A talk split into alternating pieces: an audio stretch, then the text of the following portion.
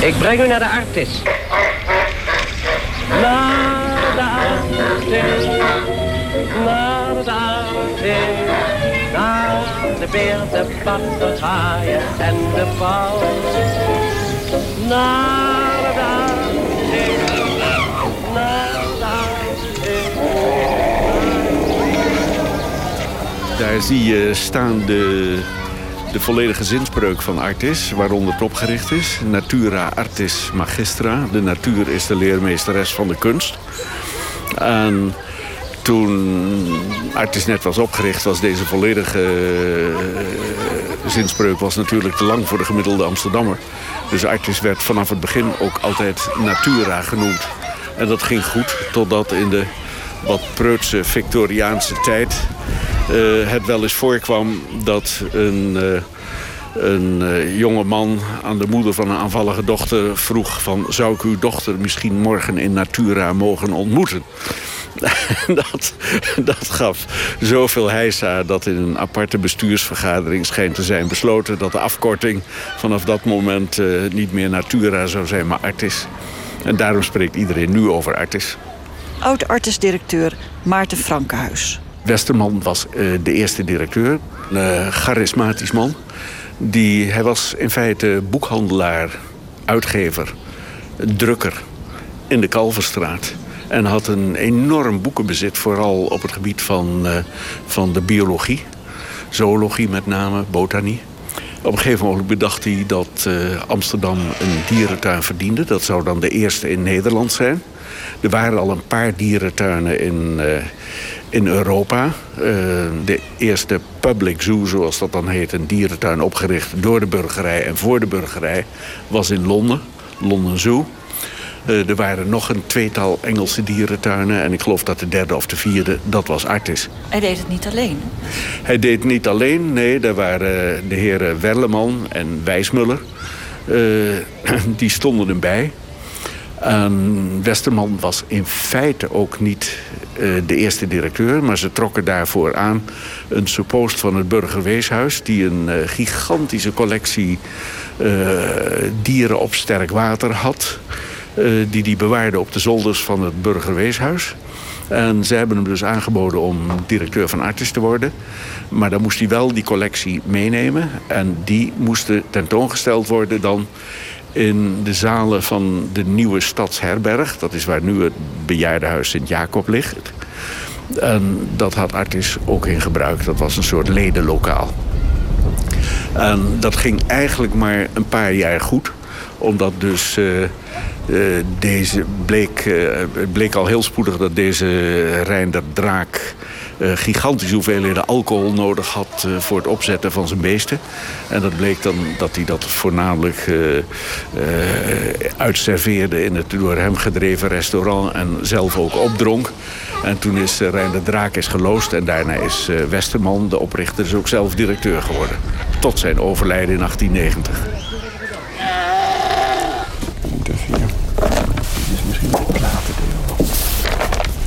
Wij bevinden ons in de Artisbibliotheek. Die ligt op het terrein van Artis. Maar wordt beheerd door de Universiteit van Amsterdam, de bijzondere collecties. Erik de Jong, bijzonder hoogleraar cultuur, landschap en natuur aan de Universiteit van Amsterdam. Oftewel artisprofessor. De Artisbibliotheek is een, een prachtig 19e eeuws gebouw. Ik vind het eigenlijk wel een van de mooiste. Uh, uit zo ongeveer 1870. Uh, er staan hier ook meubels nog die uh, in de 19e eeuw gemaakt zijn voor deze ruimte. En er hangen schilderijen, onder meer een portret van Linnaeus. Uh, dan hangt hier ook nog het portret van Westerman, dat hangt achter ons. Hij heeft de koning benaderd om geld te vragen voor de nieuwe hoofdstaat van Nederland, zeg maar. Donna Meus, auteur van het boek Wetenschap en Cultuur, alleen voor leden. Artes in de 19e eeuw. Hij wilde geen geld geven en, de burgemeester wilde het ook niet. Maar op een gegeven moment, een paar, binnen een paar jaar... heeft Westerman wat vrienden benaderd... en ze hebben een uitnodiging gestuurd aan veel uh, kennissen... om samen een particulier inrichting op te richten. En dat was een artist. Uh, dit is het borstbeeld van Westerman. Dat is ook een geschenk van het genootschap. Er was een traditie in het artisgenootschap om geschenken te geven. Leden gaven geschenken. Schilderijen, boeken, dieren, skeletten, vogels, levende haven, bomen, planten. Dat was ook een van de functies van de leden. Er wordt ook heel vaak gedacht dat dat een heel elitair genootschap was... maar er zaten ook zeekapiteins bij. En die zeekapiteins die, die hadden heel wat te vergeven. Want die, die kwamen ergens. En die dachten dan aan Artis of aan hun genootschapslidmaatschap en namen dus iets mee. Uh, dus Westerman, de oprichter, die zelf natuurlijk boekhandelaar was... en wiens collectie ook hier in deze bibliotheek zich bevindt... want daar is deze collectie eigenlijk voor een deel mee opgericht... is natuurlijk wel in het hart ook van wat, Mester, wat Westerman voor Artis zag. Eh, dat was niet alleen een dierentuin... Maar hij had ook nog een ander ideaal. En, en dat is dat als Artis uh, zich zou kunnen positioneren als genootschap. Het een levende collectie dieren bijeen wilde brengen. Vanwege de belangstelling voor de zoologie.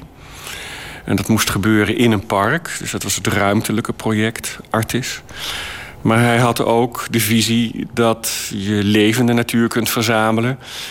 Maar hij wilde ook graag een museum met dode natuur. Want gestorven dieren kun je opzetten. Of je kunt er de skeletten van prepareren. En die kun je allemaal gebruiken voor wetenschappelijk onderzoek. Ja, het grote museum werd gebouwd in 1852, staat ook aan de plantage Middelaan. Dat gebouw bestaat beneden uit ontvangstzalen voor de leden van Artis. Dus daar komen elkaar ontmoeten. De Koningszaal en de Tijgerzaal. Er werden ook tentoonstellingen gehouden, bloemententoonstellingen, bijeenkomsten, vergaderingen.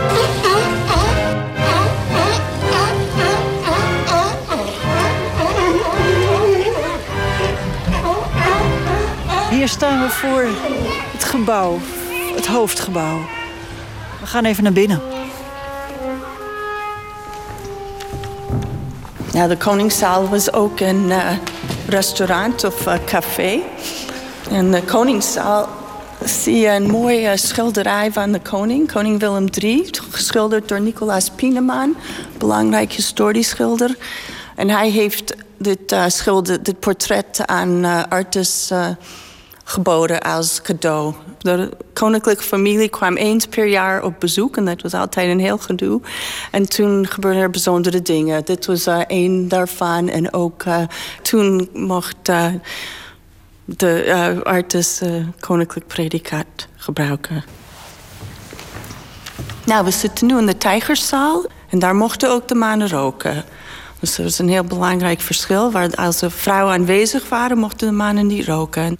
Ja, Artis wordt gefinancierd door de leden. En, het, en, en, alleen leden mochten hier komen in het algemeen. Lidmaatschap was niet goedkoop. Maar ook um, donaties. Heel veel mensen hebben veel ge geld gegeven. En ja, andere manieren van steun waren garanties op hypotheken. Maar het was een, uh, de leden waren helemaal niet arbeiders. Die waren bijna nooit binnengelaten. Af en toe waren er mogelijkheden dat... Uh, mensen die geen leden waren wel hier mochten komen, maar heel goedkoop was het niet. Het was niet helemaal betaalbaar, zeg maar, voor arbeiders. En dat was ook heel uh, zeldzaam. Je had bijvoorbeeld in uh, rond 1860 kregen ze twee uh, Nijlpaarden hier in Artis. Dus was, uh, moet je voorstellen dat het alleen de tweede keer in Europa dat levende Nijlpaarden te zien waren. En toen was er een speciale regeling waar mensen wel uh, bij Artis mochten komen, maar ook maar niet gratis. Het was altijd een kleine bijdrage. Die zorgde dat niet de zeg maar de laagste van de niveaus van de arbeidersklasse binnen kon lopen. Weet u hoeveel dat lidmaatschap was? Ja, in het begin was het 10 gulden per jaar. Maar het werd snel 20 gulden. En je moet je voorstellen dat toen kon een arbeider ongeveer uh, 5 of 7 gulden per week verdienen. Dus het was iets als, uh, het telde wel op. Een maandsalaris van een arbeider ongeveer.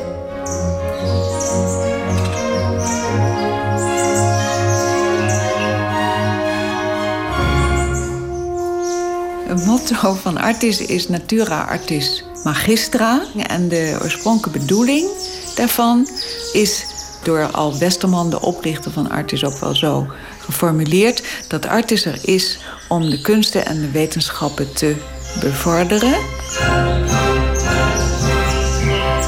Henriette Plandinga, oud-documentalist en persmedewerkster van Artes. Het gedachte is dan, omdat je toen natuurlijk haast niemand op reis kon, dat je de exotische dieren met name in Artis, in levende lijven kon aanschouwen zoals ze eruit zagen, zoals ze bewogen. En dat was een uitzonderlijk iets, want daarvoor moesten mensen eigenlijk alles over de dieren hebben van plaatjes of schilderijen, maar die waren er ook heel weinig, want ook Rembrandt zag natuurlijk haast nooit een leeuw. En uh, de gedachte was, als je die dan in de dierentuin verzamelt, kunnen echte. En er werden ook vaak opgezette exemplaren in het museum bewaard. Ook om te kunnen zien, zo ziet hij er eigenlijk uit. En dat heeft van begin af aan, uh, Westerman, de oprichter, dus was ook een groot kunstliefhebber. Hij nodigde ook mensen uit, uh, kunstenaars. Hij heeft onder andere toen Artis als eerste dierentuin een nijlpaardenjonkie kreeg... dat in leven bleef in uh, 1865. Toen heeft hij ook een aantal kunstenaars... en dat was met name de Duitse uh, kunstenaar uh, en nog een paar anderen zijn toen allemaal naar Artis gekomen... ook op uitnodiging van de directeur... om dit wonder in aanschouwing te nemen. Het nijlpaardje is druk getekend en geschilderd. En uh, dat was wat hij verschrikkelijk graag zag en ook stimuleerde. En zijn opvolger was Conrad Kerbert. En dat was zelf een vriend ook van verschillende kunstenaars. Wat Westerman ook gaandeweg werd. Kunstenaars mochten ook uh, dikwijls gratis de tuin in. En uh, moesten ze natuurlijk wel aanvragen, maar die zaten in de tuin met hun schilders, ezels, dan wel uh, klei waren ze in de weer bij de uh, kooien van de dieren. De oppassers hielpen hen. En vaak werden natuurlijk zulke uh, kunstwerken ook aan artiesten cadeau gegeven of in tentoonstellingen gebruikt. En Kerbert zelf was een vriend ook van August Allebee... die toen directeur was van uh, de Rijksacademie. De Rijksacademie zit, zit vrij dicht bij Artis. En er was toen, is er in die periode Kerbert... en dat is dan geweest tussen 1890 en uh, 1927... een heel drukke uitwisseling van studenten... die toen echt gratis de tuin in mochten. Heel veel kunst is in Artis ontstaan in de periode... vooral tussen, zeg, 1890 en 19... 40. En nou ja, omdat toen natuurlijk de oorlog kwam, dingen veranderden.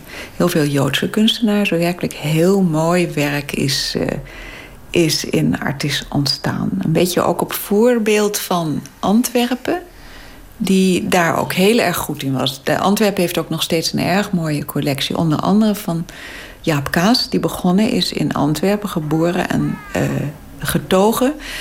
Uh, ik meen dat hij op zijn zeventiende ongeveer naar Amsterdam is vertrokken... en daar onmiddellijk ook uh, in Artis uh, terecht kon. En daar heel prachtig werk heeft gemaakt... dat ook in Artis op zeker zeven verschillende plaatsen te zien is.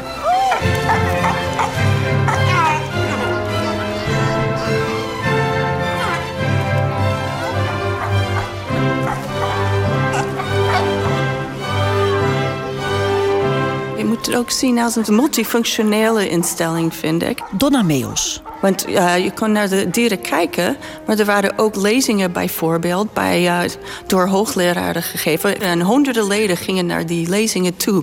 Dus het is ook belangrijk te zien dat die wetenschappelijke kennis werd, was een soort culturele activiteit toen van die mensen die leden van de dierentuin waren. Aan de andere kant heeft uh, Artis ook een belangrijke functie gehad met muziekvoorstellingen.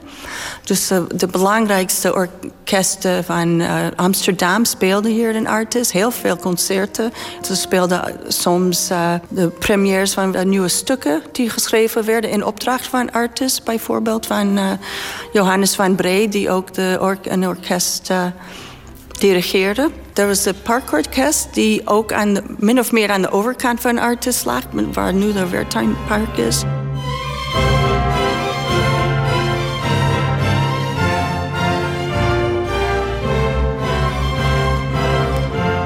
Paleis van Volksfluitorkest was ook af, afhankelijk van artis, soms financieel, om uh, door te kunnen, gaan. Op een gegeven moment zijn die twee orkesten bij elkaar en ze, ze werden het uh, Amsterdam Orkestunie. Dus en ze speelden ook wat je nu in het concertgebouw zou verwachten. Wagner en, en Bach en Beethoven, uh, Van Brees stukken. Wanneer veranderde dat? Nou, het was langzamerhand op het eind, laatste kwart van de 19e eeuw waren er heel veel veranderingen in de wetenschappen en in het culturele leven. En ze zijn allebei gespecialiseerder geworden. Wat je ziet in bijvoorbeeld in Amsterdam is de opkomst van het Rijksmuseum. En het concertgebouw werd uh, opgericht. was precies de periode toen het bij Artis wat minder ging. En minder mensen werden leden en de lidmaatschap ging uh, dalen.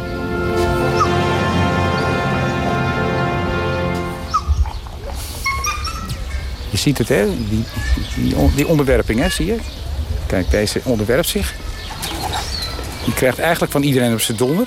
En, en, en weet heel goed, kijk, daar gaat hij op zijn rug. Die weet heel goed hoe die, onder de narigheid uit kan komen. Maar dat lukt hem niet altijd. Staart naar binnen, kop naar boven en pootjes omhoog. Je ziet het, hè, hoe, hoe vaak er onrust is. Hè? Ja. Zie je? Dus ik heb nu ook eten ook. Ja, ja, dat speelt een rol. Dat speelt een rol. Dat speelt echt een rol, zonder meer. Daar moet je ook goed mee uitkijken, dat je de porties ook in, in, in, in gelijke delen verdeelt. En dan is het altijd nog zo dat er één, twee stukken weg, wegneemt. Dat je gooit altijd iets meer erin. Als je tien wolven hebt, moet je er geen eh, negen stukken of tien stukken in gooien. Want dan krijg je een heel groot probleem. Het is voor de mensen misschien leuk om te zien, maar als je die onrust elke dag hebt, dan, uh, dan hou je ze niet heel. De dieren direct na de oprichting van Artis, toen... Uh toen waren er vrijwel geen dieren natuurlijk, maar de oranjes waren buitengewoon geporteerd van het uh, opzetten van de dierentuinen. Die schonken een paardje ringfazanten en ik dacht ook een paar damherten. En, nou, er waren nog wat papegaaien van particulieren, een, een, aap van een zeeman. En dat was het dan voor die eerste maanden. Maar toen deed zich een bijzondere gelegenheid voor. En dat was dat uh, de enorme menagerie van Van Aken, een rondreizende menagerie... die trok in de richting van Amsterdam. En ja, dat is toen een eindeloos gekissenbis geweest met het gemeentebestuur... die al die gevaarlijke dieren niet in de stad wilde hebben. Maar toen heeft Westerman toch doorgezet. En is, uiteindelijk is de hele menagerie van Van Aken is gekocht door Artis. En dat werd uh, het park binnengereden. Althans, wat het toen was. Dat was natuurlijk piepklein. En daar werden die karren allemaal neergezet met die beesten erin. En uh, daar werden struikjes omheen geplant. En dat is eigenlijk het begin van de collectie van Artis geweest. Wel een heel kleintje nog, hè?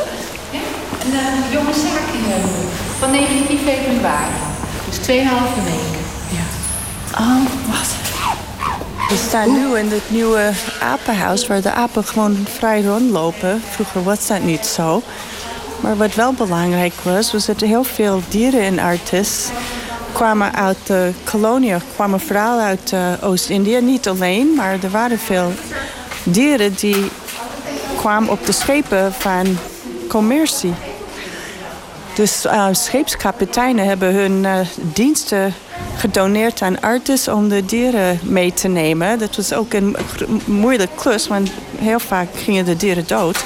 Maar toen kwamen ze aan en kregen ze lidmaatschap in Artis als een beloning. Dus dat was een heel uh, interessant manier van dieren verzamelen. Want je had ook de koloniale ambtenaren die dieren van de inheemse bevolking konden uh, vragen. Of ze vroegen dat ze ze verzamelden. En die dieren werden dan van de ambtenaren naar de kapiteinen toegebracht. En toen kwamen ze in Nederland aan.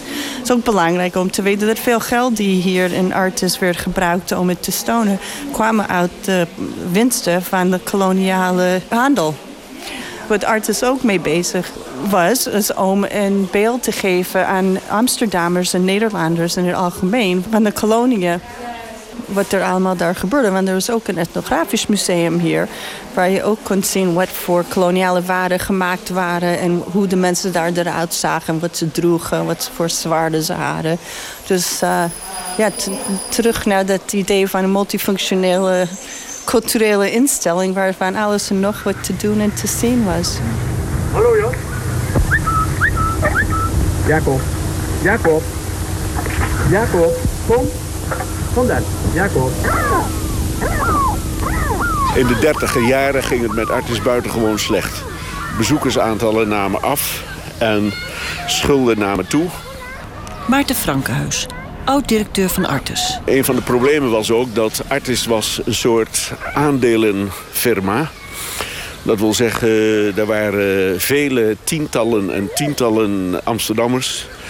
die zelf of hun voorouders ooit geld hadden ingelegd om Artis op te zetten en te ondersteunen. Maar deze mensen hadden al decennia lang geen rendement meer van hun eh, inleg gezien. En die wilden eigenlijk wel eens een keer eh, geld op tafel zien. Dat was een enorm probleem, want Artis kon dat niet uh, betalen. En toen is Artis in 1939, was Artis eigenlijk technisch failliet. En toen hebben de toenmalige directeur, dokter Armand Sunier... en de bestuursvoorzitter Robert May... Uh, de Joodse directeur in feite van de bank Liepman Rosenthal... die hebben het tij weten te keren. Dat wil zeggen, ze hebben alle grond, gebouwen en inventaris verkocht aan de gemeente en de provincie. Een kwart naar de provincie, drie kwart naar de gemeente Amsterdam. En van die 1.131.000 vooroorlogse guldens... en die moet je dus nu vermenigvuldigen met een factor 23, 24... en dan omzetten in euro's. Uh, daarvan hebben ze de schulden af kunnen lossen... en een aantal vernieuwingen kunnen realiseren... Waaronder het kamelenveld, wat je daar ziet liggen. Uh, de voorloper van deze apenrots. En uh, de bokkenrots aan de andere kant van de vijver. En verder is de hele infrastructuur uh, is verbeterd. En nou ja, Artis was in feite in één keer uit de problemen. Het is banaan. Gooi maar. Ja, goed zo. Apen die laten het wel vaker vallen. Je ziet het, er ligt al meer. Uh, later als het een keer weer voorbij drijft, pakt een ander het weer op en dan uh, worden er verder van gegeten. Er staan een beetje de vuilnisbakjes uh, onder de aapjes. Op een mooie zondagochtend, als je het zonnetje voelt schijnen, zegt moeder tot de kleine, nou, nou, houden jullie nou op met jullie dreinen? Je vader zal zijn hand straks wel eens over zijn vestiezakje strijken, hè? Gaan we aapjes kijken? Dat zou jullie wel lijken. Naar de Het eerste fotootje dateert van 39. Toen bestond net naar de kinderboerderij. Die was toen net geopend. Die foto, daar sta ik een, een kalfje te aaien. Ja, zo'n jongetje van, eh, van 1939, van 7 jaar. Dus met een gabardine regenjasje aan en een alpino petje op. Sta ik gebogen over een kalfje. Dat is de eerste foto die ooit in Artis van mij gemaakt is. De 80-jarige Herman Flutman. Het leuke was, ik had een, een prentenboekje. En ik weet nog goed dat het prentenboekje eruit zag met een grote tijgerkop daarop. En je wist dus al wat er voor dieren waren. En de herkenning in alles van die beesten bestaan echt. Kijk, daar lopen ze. Die ik van het prentenboek al kende. Dat was de eerste ervaring in de dierentuin die, die me wat deed. Oh, die dieren bestaan echt. En wat was mijn inspiratiebron in die tijd? Dat waren die bekende albums van Portilje. De Portilje had twee albums. De ene Dierenleven in Artes. En de andere Apen en Hoefdieren. Dat waren, was de inspiratiebron. Die dieren ging je opzoeken. Die bleken er ook allemaal te zijn. De meeste mensen denken dat het de directeur van Artes was. Nee, hij was uh, hoofd van de, van de levende haven. Hij schreef de tekst. En die plaatjes die kon je dan... Uh, die zaten bij, bij beschuit beschuitrollen, daar zaten die plaatjes bij. En die kon je dan ook, als je er veel had, kon je die, had je natuurlijk allemaal dubbele. Was er een soort ruilbeurs. En dat kan best geweest zijn in waar nu dat pannenkoekenhuisje is. Want dat werd ook het verkadehuisje genoemd. Daar kon je alle mogelijke verkadeartikelen krijgen. Zo, lekker zitten. En lekker opeten. Dit is nou zo'n extraatje van je, voor mij, voor mijn 25-jarig jubileum, toch? Lekkere druifjes, appel, Binnen was het voor mij als kind het meest fascinerende... dat ze daar een show opvoerden met mensapen. Die dieren kwamen zo hand in hand kwamen ze ergens vandaan. Er was een groot grasveld en daar dronken ze uit kroezen, thee en zo. En kregen ze een sigaar aangeboden. En dat, eh, dat was als kind vond ik dat prachtig om die mensapen daar, eh, daar te zien uh, stoeien met elkaar. Ik weet zelfs nog bepaalde namen. Je had een Pim en je had een Piet, dat waren orang-oetans. En je had Japi, dat was een gorilla. Dus als kind maakte dat een enorme indruk. Die, die dingen zijn tegenwoordig ondenkbaar. Dat je een spelletje met die dieren zou opvoeren. Ze gaan vermenselijken en dat als vermaak aan het publiek aanbieden. Maar wij vonden het prachtig. Wat heb ik nou nog in mijn zak van? Kijk eens. Oh, dat is fijn, hè? Krijgt de baas ook een stukje van je tong? Toen ik er als kind kwam, meestal gaf mijn moeder mij wortelloof mee. De worteltjes bleven thuis. Ik kreeg een paar worteltjes mee. Maar de, de, de wortelloof kreeg ik in mijn rugzakje mee om aan de geiten te voeren. Die nam ik mee naar Artes. Ik moet er niet meer aan denken dat ik met een zak voer als bezoeker naar binnen zou gaan om die dieren te voeren. Ik zou onmiddellijk worden afgevoerd. Toen kon je ook nog op ruggen van kamelen rijden en op, eh, op olifanten kon je, kon je rondtoeren. Eigenlijk was dat voor die olifanten, ja, dat wil niemand meer weten. Voor die olifanten was dat helemaal zo slecht niet. Want die olifanten liepen daardoor de hele tuin door met die kinderen op hun rug. En ja, een olifant moet nou eenmaal de hele dag lopen. En geen enkele dierentuin heeft daar eigenlijk voldoende ruimte voor. Dus dat was voor die olifant ook een uitje, denk ik. En dat heeft u als kind ook nog gedaan? Nee, dat heb ik niet gedaan. Waarschijnlijk was dat te duur. Want wanneer kwam ik als kind met mijn ouders in Artes? In september. Dat was de kwartjesmaand. Het was puur een kwestie van, ik kan je niet betalen. Apennootjes heb ik ook nooit gekocht. Waarschijnlijk had ik daar geen zakgeld voor... of vonden mijn ouders dat te duur. Maar vandaar die wortelloof die ik meenam. Een ander amusement is Artis in Amsterdam. Ook hier heerst in de septembermaand altijd een enorme drukte. Ik weet alleen maar dat september de kwartjesmaand was. En mijn grootvader, die ook wel vertelde dat ze... Ja, maar dat moet in de jaren twintig of zo geweest zijn.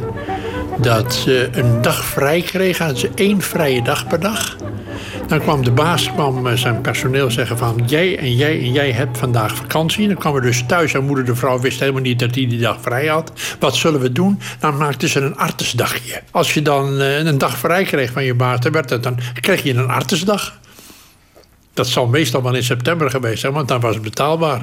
Per persoon een kwartje, kwartjesmaand. Naar de Artis, naar de Artis naar de beer, de papegaaien en de pauw. Waar de kangeroe de kindracht in de onderrok. We treiteren met een stok, een tijger in zijn hok. En Loretje roept kom piekerau. Naar ja, tot zover het eerste deel van een tweeluik over 175 jaar Artis. Gemonteerd door Berry Kamer, samenstelling Astrid Nauta. Volgende week aandacht voor Artis tijdens de Tweede